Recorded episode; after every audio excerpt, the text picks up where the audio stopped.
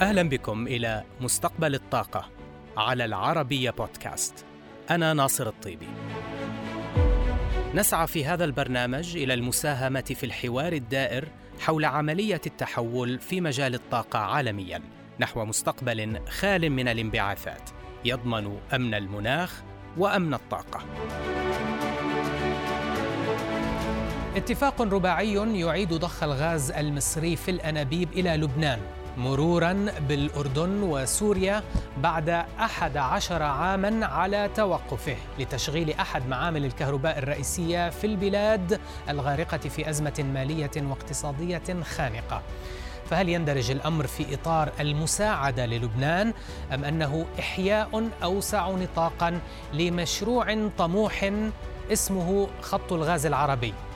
هذا المشروع مضى عليه أكثر من عقدين ملؤها العقد.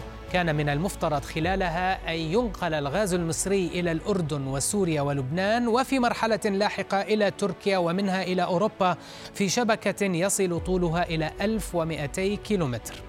تقلبت الظروف السياسية وتأرجحت مستويات إنتاج الغاز في مصر فتعطل المشروع قبل عشر سنوات لكنه يعود اليوم إلى صدارة الأحداث. إنشاء المشروع تدرج على مراحل. المرحلة الأولى بين العريش والعقبة الأردنية تم إنجازها في يوليو 2003 المرحلة الثانية من العقبة إلى الرحاب داخل الأردن أنجزت في 2005 المرحلة الثالثة من الأردن إلى دير علي قرب دمشق ومنها إلى حمص وسط سوريا.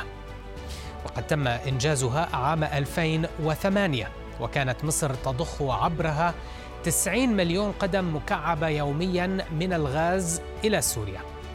المرحلة الرابعة كان من المفترض أن تصل بين حمص وشبكة الأنابيب التركية لإيصال الغاز المصري إلى أوروبا لكن المشروع تعثر وأنجزت منه فقط الوصلة بين حلب وتركيا بطول 15 كيلومتر.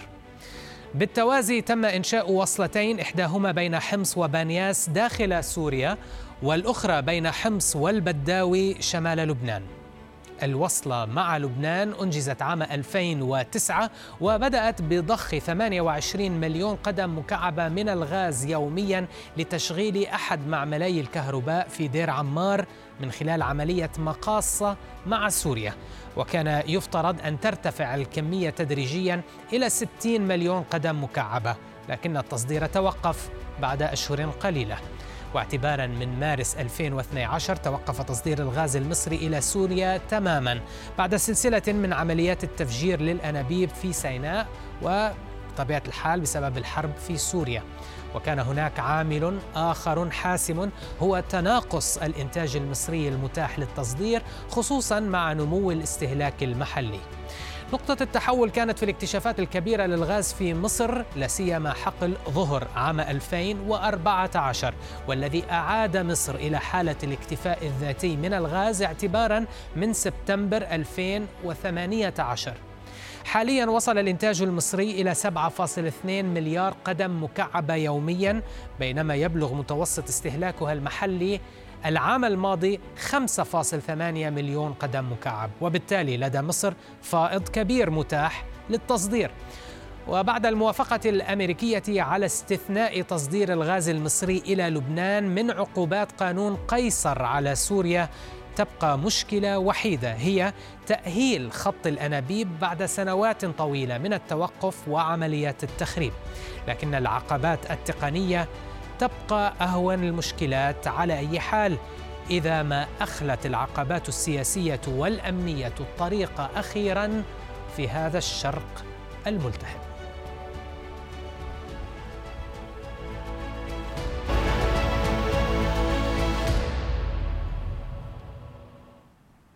وحول خط الغاز العربي واستراتيجية مصر في تصدير الغاز قابلت دكتور جمال القليوبي أستاذ هندسة البترول والطاقة وعضو مجلس إدارة جمعية البترول المصرية. وسألته إن كان الاتفاق الأخير ينحصر في إطار المساعدة للبنان أم أن مصر مهتمة بإحياء مشروع خط الغاز العربي ككل. خط الغاز العربي كان هناك طموحات يمكن بدأت في بداية سنة 2000 هذه الطموحات أن يكون لدى القطر المصري دفع لكميات الغاز المنتجة عبر المتوسط. النقطة الثانية يعني خليني أقول لك هذا الخط سوف يخدم الاقتصاد اللبناني بالدرجة الأولى وهذا ما تطمح إليه الدولة المصرية. تريد أن تساعد أحد الدول الأشقاء العرب والتي لابد أن نقف جميعا بجانب هذا السوق الاقتصادي لدى الدولة اللبنانية وخاصة أن هناك ملفين من أخطر هذه الملفات تعاني من يعني منها الاقتصاد اللبناني. الأول هو نقص إمدادات الكهرباء ومتوسط الإنارة لدى الدولة اللبنانية يتراوح ما بين أربع ساعات لخمس ساعات وبالتالي النقطة الثانية وهو دفع الغاز وتقوية هذا الاقتصاد بدعم الصناعات وبدعم ما يحتاجه من غاز طبيعي إما في محطات الكهرباء أو في المصانع. مصر أنشأت طاقات تسييل كبيرة في محطتي إدكو ودمياط وبقيت هذه الطاقات غير مستخدمة لسنوات طويلة. هل تعتقد أن التسييل سيكون ركيزة استراتيجية التصدير المصرية في السنوات المقبلة أم أن مصر ستمزج بينها وبين خطوط الأنابيب وما هي أسواق التصدير الرئيسية التي ستعول عليها مصر بالنسبة للغاز؟ دعني أطرح ليك. يا الدولة المصرية دولة يمكن بدأت الإنفراستراكشر البنية التحتية لديها قوية جدا سواء من كما أشرت محطتين الإسالة في دمياط وادكو بالإضافة إلى مجمع 11 مجمع للبتروكيماويات لدى الأراضي المصرية وأيضا أكثر من 21 مصنع للأسمدة بالإضافة أيضا إلى كثير من المصانع التي تقوم على دعم عامل الطاقة لديها وهو استخدام الغاز الطبيعي لدى هذه المصانع. الدولة المصرية تطمح في أن يكون لديها قيمة مضافة بعد الوصول إلى إمكانيات من الغاز كبيرة ولديها فائض من الغاز وبالتالي الدولة المصرية تهدف إلى ثلاث أشياء أساسية الالتزام بالاتفاقيات مع دول الجوار في هناك التزام مع بعض الدول في إمدادها بالغاز الطبيعي. النقطة الثانية أن الدولة المصرية سوف تكون لديها متسع الآن من زيادة قيمة الغاز أو قيمة المستنفذة قيمة إضافية من الغاز الطبيعي ليس فقط بضخه عبر الأنابيب ولكن باستخدام الصناعات الملحقة والقيمة المضافة من الغاز الطبيعي وبالتالي الدولة تهدف إلى الدخول إلى السوق السوقين العالميين الاساسيين وهو إسالة الغاز الطبيعي وهذا مطلب عالمي يصل حجم هذا السوق عالميا إلى أكثر من 1600 مليار دولار. تحتكر تسع دول تسعى الدولة المصرية أن تكون أحد هذه الدول في الفترة القادمة من خلال اكتشافاتها ومن خلال كميات الإنتاج التي وصلت إليها بفائض يصل إلى حوالي 18% فائض ما يتم استخدامه داخل الدولة طيب. المصرية. النقطة الثانية وهي أن الدولة المصرية تسعى إلى زيادة قدرتها من صناعة البتروكيماويات وصناعة الأسمدة ودول عامل أساسيين يعتمد عليهم اعتماد مباشر الغاز الطبيعي ولهم سوقين عالميين البتروكيماويات السوق العالمي لها 1300 مليار تحتكر 11 دولة بالتالي الدولة المصرية تسعى أن تكون هذه الدولة من ضمن الدول التي تستطيع أن تصدر خامات البتروكيماويات 86 خامة من خلال الدولة المصرية خليني أقول لك إحنا بدأنا تصدير البتروكيماويات من 97 98 يمكن كمياتنا كانت محدودة ولكن بعد ظهور الغاز لدى اراضي المصرية تسعى الدولة المصرية أن تزيد ثلاث أضعاف الكمية التي يتم تصديرها في هذا التوقيت. النقطة الأخيرة وهي صناعة الأسمدة، دولة مصر تنتج 16 مليار طن من الأسمدة، الغاز الطبيعي عامل أساسي فيها وبالتالي تسعى الدولة المصرية أن يكون لديها فائض من الأسمدة للتصدير. كل هذه الاستخدامات لإطفاء قيمة مضافة أيضا على الغاز الخام قبل تصديره. ولكن إنتاج الغاز المصري تحول من فائض متاح للتصدير قبل عام 2010 إلى عجز واستيراد. ثم تحول مرة أخرى إلى فائض في العامين الأخيرين بفضل الاكتشافات الكبرى في حقل ظهر وسوى. بتقديرك هل سيكون لدى مصر هذا الفائض الكبير من إنتاج الغاز متاحا للتصدير في السنوات المقبلة في ظل نمو الطلب المحلي الذي قد يمتص جزء كبير من الزيادة الإنتاج هذه خصوصا في ضوء المبادرات التي تحدثت عنها أيضا في التحول إلى الغاز في العديد من القطاعات الأسمدة ولا سيما أيضا في الكهرباء وأيضا الآن في النقل.